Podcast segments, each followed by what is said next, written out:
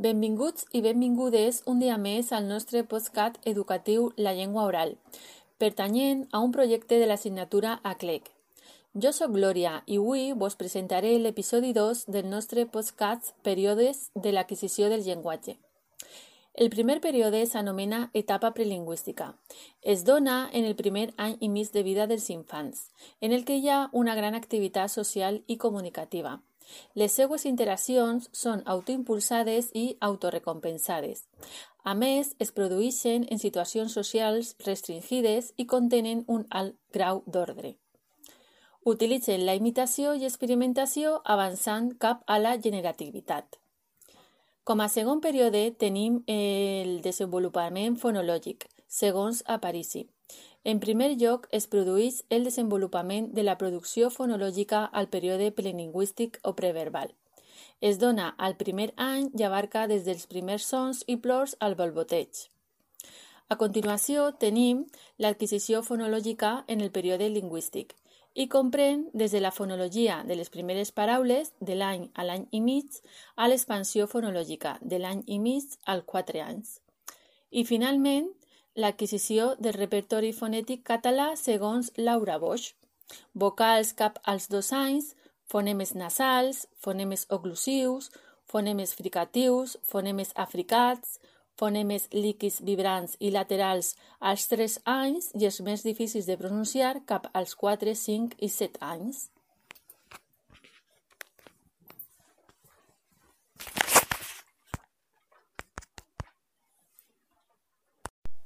Hola a tots i totes, jo sóc Nicole i continuem amb l'episodi 2.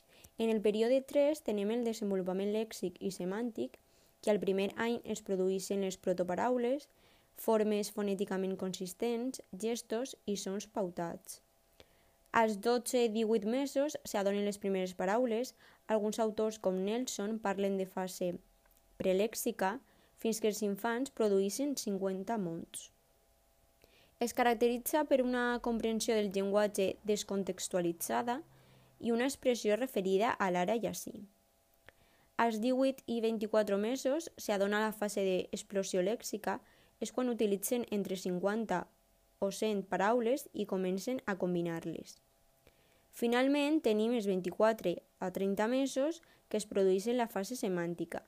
En un principi, la comprensió va endavant de la producció i al temps aquest desfasament desapa desapareixerà.